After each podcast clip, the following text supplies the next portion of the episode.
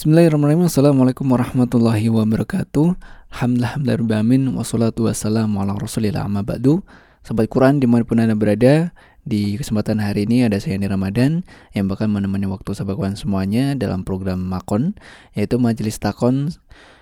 Majelis Tanya Jawab seputar hukum-hukum keislaman Yang mana di kesempatan hari ini masih membahas tentang hukum game online Di sesi ke-6 ya di pertemuan ke-6 ini tentunya kita akan melanjutkan lagi materi yang akan kita diskusikan seperti halnya kemarin bersama narasumber kita yaitu Syekh Hisam bin Abdul Qadir dan juga mutarjim kita ada Abu Kasyah yang siap mene yang bakal menemani yang bakal menemani narasumber kita untuk materi kali ini. Dan saya ingatkan kembali buat sahabat semuanya yang ingin gabung atau mungkin yang memiliki pertanyaan seputar hukum-hukum keislaman, apa pun itu pertanyaannya silakan saja Anda bisa mengirimkannya di nomor kami di 081 229 888 614 dan insya Allah kita akan bahas setelah materi-materi atau pertanyaan-pertanyaan sebelumnya selesai ya.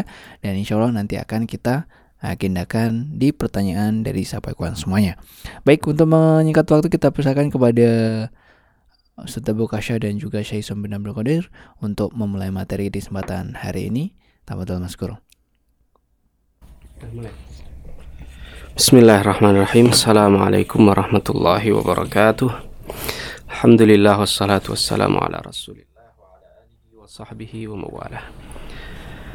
Pendengar Radio Ishkarima yang dirahmati oleh Allah Subhanahu wa taala. Masih di makon majelis takon bersama Syekh Isam Al-Misri. وقد تكلمنا بالأمس عن مواصفات اللعبة المحرمة يعني حددها العلماء أولا ألا تمس بعقيدة المسلم أو التوحيد وسنكمل بقية الحديث مع فضيلة الشيخ فليتفضل مشكورا بسم الله السلام عليكم ورحمة الله وبركاته. وعليكم السلام ورحمة الله وبركاته. بسم الله الرحمن الرحيم. والصلاة والسلام على أشرف الخلق الأطهار وأزكى محمد بن عبد الله صلى الله عليه وسلم. اللهم صل عليه وسلم. الرحمة والهداية والنعمة المسداة والسراج المنير البشير النذير. اللهم أحينا على سنته وأمتنا آمين. على ملته. آمين. وارزقنا شفاعته وأرفقنا صحبته في الفردوس الأعلى. ومتعنا بلذات النظر إلى وجهك الكريم. اللهم آمين. آمين. آمين. آمين, آمين. العالمين. اللهم سلمني وسلم مني اللهم. سلمني وسلم مني اللهم سلمني وسلم مني آمين. أما بعد وقلنا أن اللعب عندنا له ضوابط وهذه الضوابط منها ألا يمس شيئا من عقيدة الإنسان ولا يمس بتوحيده وضربنا أمثلة على ذلك بال- بالألعاب المستحدثة مثل البوبجي أو الحوت الأزرق. الحوت الأزرق. نعم وهذه الألعاب حرمها الأزهر لأنها يعني آه هذه فيها أشياء من الأشياء الشركية وخاصة البوبجي فإن فيها آه من الأشياء أن يجعل الإنسان في ليف معين. هكذا حتى يكمل إلى الليف الآخر لابد نعم. وأن يغادر حتى يغادر هذا الليف إلى غيره أن يسجد إلى صنم آه. أو يقفز من فوق صنم أو يعبد هذا الصنم أو يتوسل إلى هذا الصنم. بطريقة خبيثة والعياذ بالله سبحانه بالله. وتعالى وهذه الأشياء إذا حدثت سواء كانت على سبيل اللعب أو سبيل الضحك أو على سبيل المزاح أو على سبيل أي شيء من الأشياء فإن الشيء الذي يمس أصل التوحيد أو يمس لا إله إلا الله سواء باللعب أو بالضحك أو بكذا فهذا محرم شرعا لماذا؟ لقول الله سبحانه وتعالى ولئن سألتهم ليقولن إنما. كنا نخوض ونلعب نعم. قل أب الله وآياته ورسوله كنتم تستهزئون. لا تعتذروا. قد كفرتم بعد إيمانكم. والكفر هنا ليس الكفر الذي يخرج من الملة. في هذا الأمر سيظل مسلما. لكنه يدخل في درجة من درجات الكفر طالما أنه شهد أن لا إله إلا الله وأن. محمد رسول الله. فهنا يظل يظل آه مسلما. ولكن هنا لابد أن نفرق بين ثلاثة حالات أيضا. نعم. حالة أنه يلعب هذه اللعبة وهو يعرف أنها محرمة وأن مم. هذا صنم يعني أن يلعب وهو عالم بحكم هذا الشيء. مم. فيكمل في لعبه ويتمادى فيه وفي هذه الحالة قد واختلف الفقهاء في حكمه إلى مذهبين. Nah. القول الأول أنه قد أصبح كافرا كفرا يخرج من الملة وهؤلاء هم الظاهرية والحنابلة وزاد عليهم بعض العلماء وهذا لقول علي بن أبي طالب لما مر على أصحابه وهم يلعبون النرد النرد، يلعبون نعم. هذه الأشياء فقال ما هذه التماثيل التي. أنتم لها عاكفون Nah. إذا هنا شبهها علي بن أبي طالب بالتماثيل وقال ما هذه التماثيل التي أنتم لها عاكفون. فقالوا هنا إذا كان عالما بالحرمة وعالما بحكمها وعالما بأن هذه أصنام وعالما بأنها تمس عقيدته ويلعبها فإنه في هذه الحالة يصير كافرا كافراً،. يخرج من الملة. ما معنى أنه كافر يخرج من الملة معنى أنه كافر يخرج من الملة على هذا المذهب معناها أنه لا يكفن إذا مم. مات لا يكفن Nah. إذا مات لا يكفن ولا يغسل ما شاء الله. ولا يقبر في مقابر المسلمين Nah. ولا تصلى عليه الجنازة Masya Allah. ولا يرثه أهله لماذا؟ لأنه لا يرث مسلم كافر ولا نعم. يرث كافر مسلم إذا بالتالي دخل في مسألة كبيرة Masya Allah. Jadi pemirsa pendengar sekalian yang dirahmati oleh Allah Subhanahu wa taala, Sun- kemarin sudah kita bahas ya tentang eh, apa namanya eh, aturan atau kriteria suatu permainan disebut haram. Itu yang pertama adalah dia tidak merusak akidah seorang muslim. Nah, ini kalau sampai kita terutama game seperti PUBG ya yang itu di situ ada adegan-adegan yang di situ misalnya sujud kepada berhala dan lain sebagainya. Maka orang yang melakukan ini dia kufur ya masuk ke dalam dairatul kufur walaupun dia melakukannya karena main-main. Karena Allah Subhanahu wa taala berfirman wala in sa'altahum la yaqulunna innama kunna nakhudu wa nal'ab sampai firman Allah la ta'tadhiru qad kafartum ba'da imanikum Nah, makanya ini hati-hati ya, jangan sampai kita melakukan game-game yang seperti ini. Tapi apa yang jadi pertanyaan, apakah kafirnya ini, ini lantas dia disebut kafir mukhrijun minal millah? Nah, di sini ada beberapa kriteria. Yang pertama, dia melakukannya karena tahu bahwa itu haram. Jadi dia main game itu, dia ngerti kalau di situ ada perkara yang haram karena merusak akidah, terus nekat tetap main game. Nah ini para ulama di antaranya kaum Zahiriyah dan Hanabilah dan lain-lain itu mengatakan orang yang seperti ini ya main game, gamenya mengandung perkara haram dan musyrik atau kekafiran tetap dia lakukan padahal dia tahu. Menurut beliau-beliau ini hukumnya adalah kafir mukhrijun minal millah. Dia keluar dari millatul Islam dan di antara sandaran atau hujah yang mereka pakai adalah ucapan Imam Ali radhiyallahu taala anhu. Beliau mengatakan ketika melewati orang-orang yang sedang bermain catur ya. Beliau mengatakan ma hadhihi tamathilul lati antum laha akifun. Berhala-berhala apa ini yang sedang kalian berkutat di sana? Ya, makna daripada kufur yang mengeluarkan seseorang dari milah itu apa? Satu la yukafan. Jenazahnya tidak dikafani wala yughassal tidak dimandikan wala yuqbaru fi maqabiril muslimin. Tidak dikuburkan di pemakaman kaum muslimin wala yusalla alaih tidak disalati, Masya Allah. Wala yarithuhu ahluhu tidak bisa mewarisi mewariskan harta kepada eh, ahli warisnya ahli warisnya tidak berhak apa memberikan apa me, me, mendapatkan jatah waris daripada orang seperti ini. Idan aina sara maluhu ya syekh? Man Allah. Alladhi yamut. murtaddan ba'da dhalika maluhu yakunu ila muslimin. Jadi hartanya nanti menjadi haknya baitul muslimin. Baitul yakun lahu warithun sultan. Nah, nah, nah. jadi pewarisnya adalah penguasa. طيب نأتي بعد ذلك إلى المسألة الثانية وإلى الحكم الثاني وهو أنه المذهب الثاني وهو مذهب جمهور العلماء من الحنفية والمالكية والشافعية وهؤلاء قالوا من شهد أن لا إله إلا الله وأن محمد رسول الله. ولم يظهر عليه فسق ولم يظهر عليه علامة من علامات الكفر فظل حاله يعني مخفيا لا يعلم به أحدا ولم يجاهر به فمات فقد مات على الإسلام لأننا لا يمكن أن نحكم على الأحكام أو الأحكام لا يمكن أن نحكم عليها بالظن. نعم. فلا بد من اليقين والتأكد. وبناء على هذا المذهب فإنه في هذه الحالة إن علم من أمره ذلك فعلى السلطان أن يأمره أن يتوب ثلاثة أيام. فإن لم يتوب فهو مرتد. ما شاء الله. ولكن الخلاف هنا هل يقتل كفرا أو يقتل حدا؟ حدا. هكذا.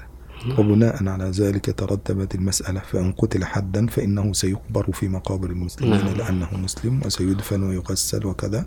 وأما هكذا. أما إن قتل كفرا أو ردة فإنه في هذه الحالة حكمه حكم الكافر مع المسلم أو Hmm, Nah, Taib, Eh, pendengar yang dirahmati oleh Allah. Yang kedua, jumhur ulama dari kalangan Hanafiyah, Malikiyah, dan Syafi'iyah berpendapat bahwa orang yang melakukan game ini padahal dia tahu ada perkara kufur di dalamnya, selagi dia masih menampakkan tanda-tanda keislaman, maka dia tidak dikafirkan. Dia tetap seorang muslim dan karena tidak mungkin kita menghukumi seseorang berdasarkan praduga ya. Kalau ada orang yang melakukan seperti ini maka penguasa punya wewenang untuk memanggil dia dan mengklarifikasi atau disidik ya. Kemudian kalau memang terbukti ternyata benar maka diperintah untuk tobat selama tiga hari. Kalau tiga hari tidak tobat maka ya sudah. Berarti dia bisa dihukum mati. Tapi para ulama kembali berbeda pendapat apakah statusnya itu dihukum mati secara had dan atau secara ridah had itu maksudnya ya hukum had biasa. Kalau ridah dia sebagai orang murtad. Nah ini konsekuensinya cukup berat ya karena kalau seseorang itu dihukum mati dengan status sebagai had maka dia tetap dimandikan, tetap dikuburkan di kuburan kaum muslimin, tetap dikafani, tetap disolatkan, tetap ahli warisnya mewarisi. Tapi kalau dia statusnya sebagai murtad, maka hak-hak sebagai jenazah muslim itu tadi tidak diberikan kepada dia Ala kulli hal para pendengar sekalian betapa berbahayanya kita kalau memasukkan diri dalam game-game yang seperti ini. Oleh karena itu seorang muslim tentu memilih berhati-hati. Nah. ندخل إلى الحكم الثاني أو إلى الحالة الثانية الحالة هو أن يلعب هذه اللعبة يلعب هذه اللعبة وهو يعرف حكمها Hmm. ولكنه غير معتقد فيها يعني يلعب على سبيل تضييع الوقت فقط Hmm. مضيعة للوقت أو على سبيل تسلية الوقت فقط أو على سبيل كسب المال Hmm. وهذه أيضا محرمة يعني لو كان يلعبه على سبيل كسب المال فقط وليس آه، بهذه الطريقة فهي محرمة أيضا. لماذا؟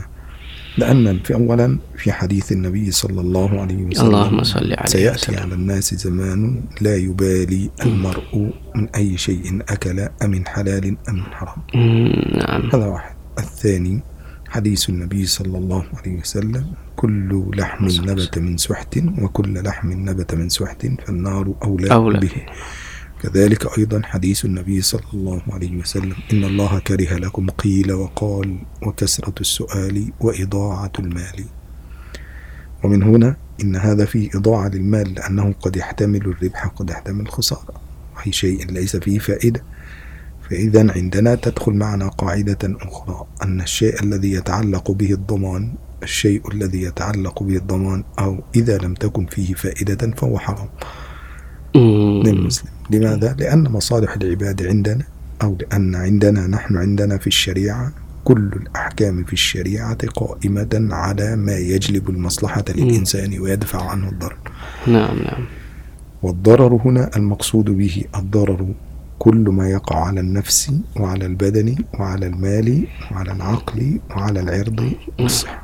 يبقى إذا الضرر كل ما يقع على النفس وعلى المال وعلى العقل وعلى الصحة وعلى البدن الإنساني أو على أي الأشياء التي يعيش فيها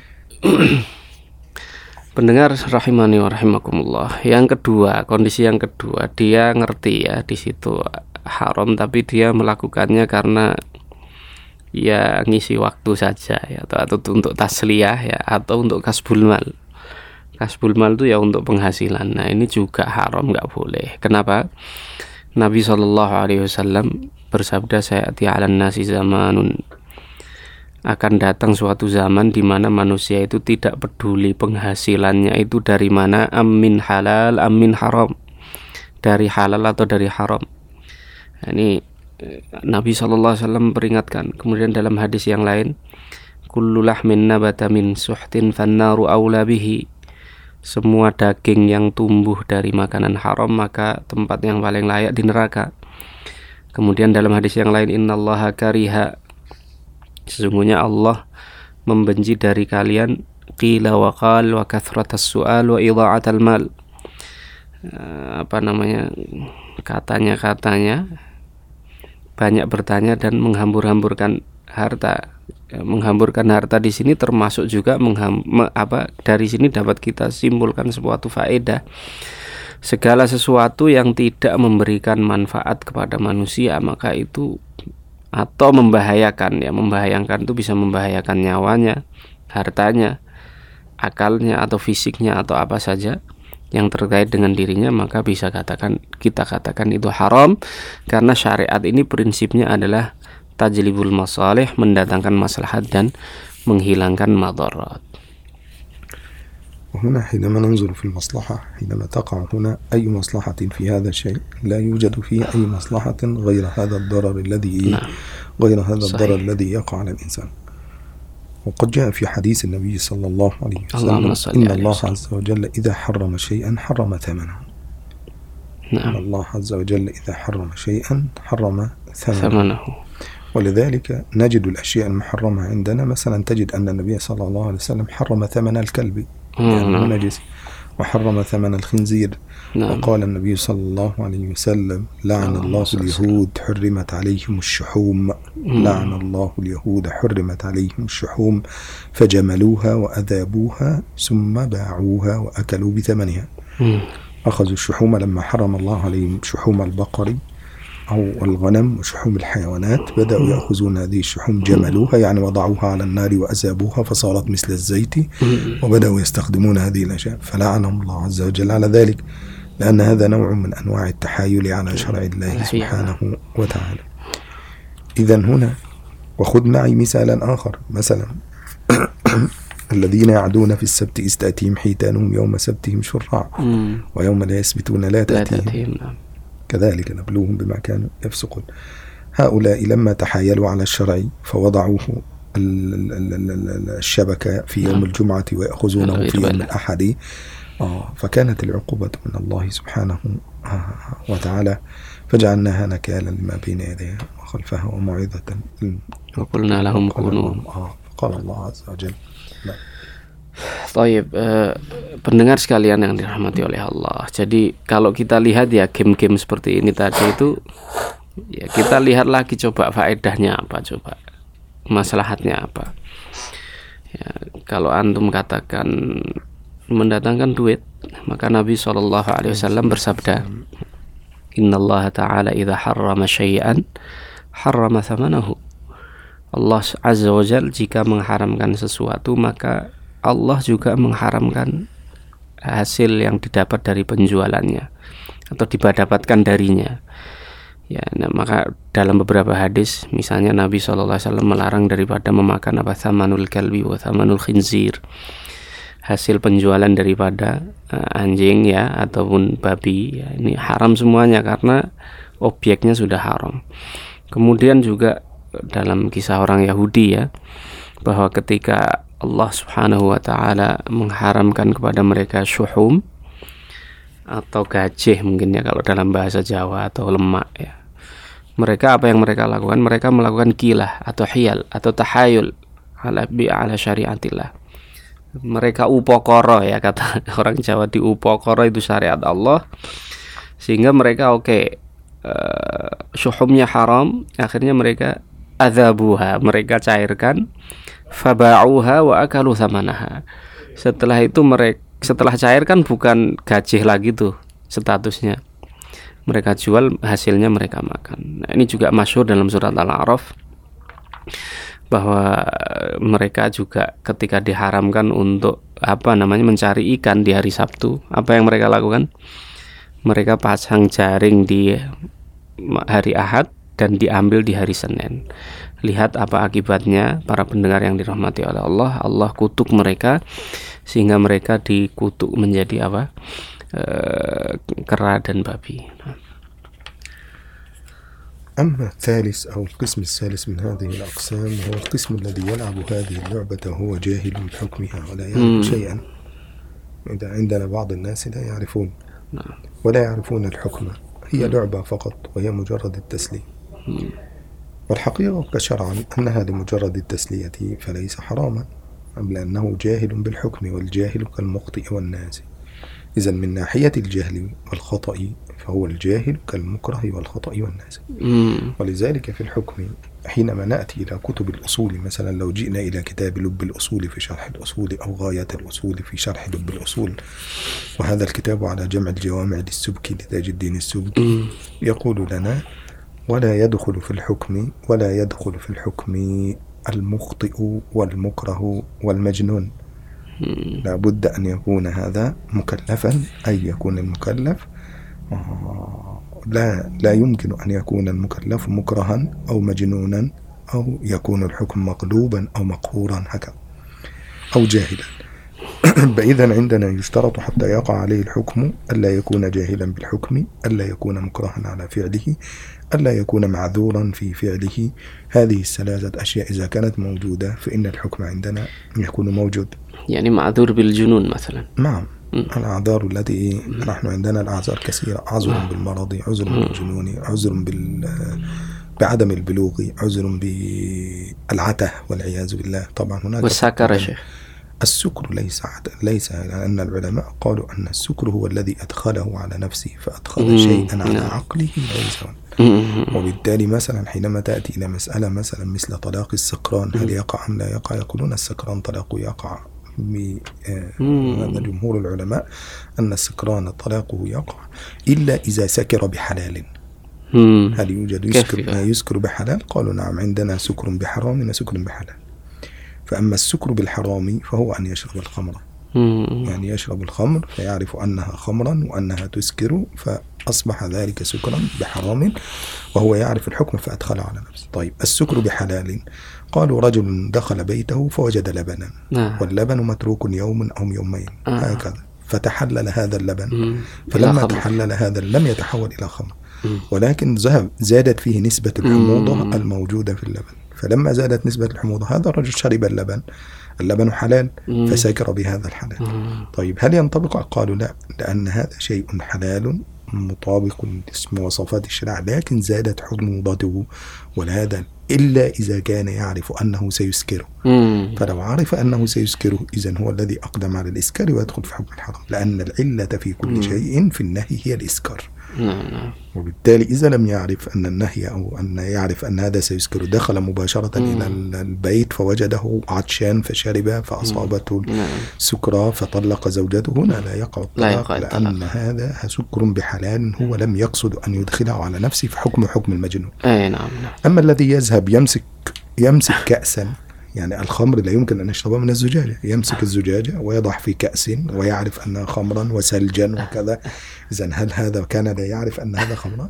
لا هو مستعد تمام الاستعداد أن يسكر وبالتالي هو الذي أدخل السكر عليه. ليس عذرا إذا. هذا ليس عذرا له شرعيا. Taib yang ketiga para pendengar sekalian itu adalah orang yang mengerjakannya karena jahilun bihukmihi. Dia nggak ngerti kalau itu tuh nggak boleh. Nah aslinya ya aslinya orang yang tidak tahu itu ya tidak kena hukum. Ya namanya juga tidak tahu. Ya, ini dibahas dalam kitab Lubul Usul ya. Lil Imam Subki Syekh. نعم Imam Subki beliau mengatakan الأصول على جمع الجوامع لتاج الدين السبكي yani huwa syarhuhu. لب الأصول يشرح جمع الجوامع جمع- أو جمع مختصر الجوامع. جمع الجوامع لتاج الدين السبكي Nah, li Tajuddin As-Subki beliau mengatakan bahwa la yadkhulu fil hukmi tidak termasuk dalam eh, apa objek hukum orang yang mukhti keliru termasuk jahil ya kemudian al mukrah orang yang dipaksa Kemudian yang ketiga al-majnun orang yang gila. Nah, bagaimana kalau mabuk Ustadz? Kalau mabuk itu Syekh tadi menerangkan orang yang mabuk itu bukan uzur. Kenapa? Orang yang mabuk itu biasanya apa? Dia memang menyengaja untuk mabuk. Kecuali kalau mabuknya itu mabuk halal. Maksudnya mabuk halal gimana ya? Jadi dia masuk rumah terus mendapati gelas segelas susu yang udah didiamkan tiga hari misalnya ya dia nggak tahu kalau itu memabukkan ya dia minum saja ternyata dia sudah mengeras sehingga akhirnya dia mabuk akhirnya mentalak istrinya nah ini talaknya tidak jatuh artinya mabuknya itu adalah mabuk yang dijadikan utur diterima sebagai utur atau dia kehausan masuk rumah terus melihat ada bening-bening ya dikira air rupanya minuman keras akhirnya mabuk kemudian mentalak istrinya ini juga tidak jatuh tapi kalau tidak seperti itu maka mabuk ini dia bukanlah suatu udur wallahu alam طيب هذا بالنسبة إلى الجاهل الذي لا يعرف الحكم فهو في هذه الحالة يكون مثل المعذور لكن الحرمة ستكون من جانب آخر. ليس من هذا نعم. من هذه الجانب هو معذور. لكن عند الفقهاء هذا الذي يسمى حراما لغيره. حراما لغيره. نعم. الآن نحن عندنا الحرام على قسمين حرام لذاته وحرام لغيره. آه، نعم. أما الحرام الذي هو لذاته فهو الذي قامت به الحرمة أصلا. مم. نعم من نعم. أول دقيقة هو حرام. من أول نعم. ما شرع هذا مأمورون بترك هذا الحرام. أما نعم. الحرام لغيره فمثال هذه اللعبة التي معنا. هو لا يعرف ويلعب على سبيل التسلية. التسلية مباحة فكان مم. أصله مباح. ثم اقترن به شيئا حراما فأصبح هذا فجعل هذا المباح حرام. من باب قاعدة إذا اجتمع الحرام والحلال غلب الحرام على؟ على الحرام على الحلال. وهذا باب كبير في باب سد الذرائع حقيقة. مثال ذلك مثلا أنا أعطيك المثال هو الآن يلعب اللعبة وهو لا يعرف هل هي حرام أم حلال. فأصبح حكمه عاديا جدا لكن الحرمة هنا ستكون بالأشياء المقترنة بهذه اللعبة يعني داخل هذه اللعبة آه، إما في داخلها الأشياء الموجودة في داخلها آه. فتسببت في حرمته آه. فالتسلية مباحة مم. لكن ما هو موجود في داخلها آه. يكون حرام كذلك أيضا إضاعة ماله آه. نعم. إذا هو لا يعرف الحكم لكن أضاع ماله. إذا نعم. دخل عليه شيء غير اللعبة من خارج اللعبة. نعم نعم. دخل عليها شيئا من خارجها فأصابها بالعوار. مم. أصابها بالعوار يعني أصابها بالمرض فأصبحت غير صالحة. صحيح صحيح. كمثال أن يكون عندك أضحية سليمة مئة بالمئة. صحيح. خلاص وأنت تبدأ أن تستعد مثلا هكذا. وقبل أن يأتي مثلا العيد بسنة يعني مثلا أنت عندك عيد الأضحى كان عندك اثنين ذبحت واحدة وقلت الثانية للسنة الإيه؟ للسنة. القادمة فصعدت فوق السلم فسقطت من فوق فأصابها العوار أي أصبحت عوراء أبين عورها. نعم. وما زال معك مدة سنة. إذا أنت تستطيع أن تبدل أم لا تستطيع. آه فدخل عليها شيئا فغير من حال الصحة إلى حال المرض. وبالتالي هكذا هذه اللعبة أيضا. دخل عليها شيئا فنقلها من درجة الحل إلى درجة الحرمة. وبالتالي هذا يسمى حرام لغيره. من هذه الجهة جهة هي حرام. فمن هذه الجهة تكون أيضا محرمة بهذه الطريقة إذا كان فيها إضاعة للمال أما إذا لم يكن فيها إضاعة المال وعلى سبيل التسلية ولم تؤثر بالضوابط التي سنقولها إن شاء الله المرة القادمة إن قدر الله لنا اللقاء طيب. طيب سنكملها معكم إن شاء الله Taib, taib. Insyaallah jazakallah khair. Jadi pendengar sekalian rahimani wa rahimakumullah. Dari sisi jahilnya ya mungkin dia dapat uzur lah karena nggak tahu ya. Tapi ada perkara haram yang dia itu haramnya li ghairihi. Jadi haram itu ada yang haram li dzatihi, ada yang haram li ghairihi. Jadi dia main game karena murni untuk hiburan ya. Jadi segi ini mungkin dia dapat uzur. Ya karena dia nggak tahu tapi hal-hal yang menyertai game inilah yang nantinya akan membuat dia berubah pula jadi perkara yang haram. Misalnya ya, ya tadi ternyata di dalam game itu dia menjumpai hal-hal yang melanggar syariat. Satu, yang kedua eh, karena ada, ada kaedah ya. Kalau ada sisi halal bertemu dengan sisi haram maka huli nibul haram dimenangkan sisi haramnya. Jadi yang haramnya harus didahulukan. Oleh karena itu walaupun yang jahil ini ma'adzur tetap sebenarnya hukumnya juga dia telah melakukan sesuatu yang haram dan karena pertimbangan-pertimbangan lain misalnya dia idha'atul mal apa membuang-buang harta ya. kemudian dia juga menyebabkan badan dia sakit ya yang seharusnya sehat menjadi tidak sehat ya terus kemudian apa namanya ya bahkan hewan korban saja ya yang seharusnya kita sediakan tahun depan sehat itu bisa kita pakai korban ternyata dia cacat itu nggak boleh dipakai korban. Demikian juga badan kita itu. Ketika dari sehat terus dengan sengaja kita jadikan sakit itu hukumnya juga haram. Tapi bagaimana kalau game itu cuma murni e, hiburan Ustadz tidak ada unsur-unsur haram seperti yang sudah tadi dibahas. Juga tidak ada unsur menghambur-hambur atau membuang-buang harta. Apakah boleh? Maksudnya murni untuk hiburan saja. Nah ini ada bawabitnya ya, ada aturan-aturannya. Kapan game yang seperti ini ya, yang murni untuk hiburan dan tidak ada unsur membuang-buang hartanya, tidak mengandung perkara haram. Kapan itu dibolehkan? Ada bawabitnya yang insya Allah akan kita bahas pada pertemuan yang akan datang. Jazallahu syekhana Aisam ala ma'afadahu minal ulumin nafi'ah wa nas'alullah subhanahu wa ta'ala an yubarika fi ilmihi wa fi umrihi wa fi juhdihi. Saya sebagai penerjemah eh, apabila ada benarnya itu dari Allah subhanahu wa ta'ala jika ada salahnya itu dari diri saya sendiri dan dari setan Allah dan Rasulnya terlepas dari kesalahan tersebut. Subhanaka Allahumma bihamdika asyhadu an la ilaha illa anta astaghfiruka wa atubu ilaik. Wassalamualaikum warahmatullahi wabarakatuh Waalaikumsalam warahmatullahi wabarakatuh. Syukron jazakumullah khair kepada Ustadz Abu Kasyah. Dan juga tadi kita ada Syaisam bin Abdul Aziz Yang sudah menyelesaikan materi kita tentang pembahasan hukum game online ya. Dan tentunya semoga menjadikan inspirasi buat kita semuanya menjadi wasilah buat uh, menyikapi bagaimana hukum game online ini sendiri dan semoga bermanfaat buat kita semuanya. Akhirnya saya Andi Ramadan mewakili segenap kru radio Sekarima yang bertugas pamit undur diri dari ruang dengan sahabat semuanya. Terima kasih atas kebersamaannya. Alhamdulillahirrahmanirrahim. Subhanakallahumma wa bihamdik. Asyhadu an la ilaha illa anta astaghfiruka wa. Wassalamualaikum warahmatullahi wabarakatuh.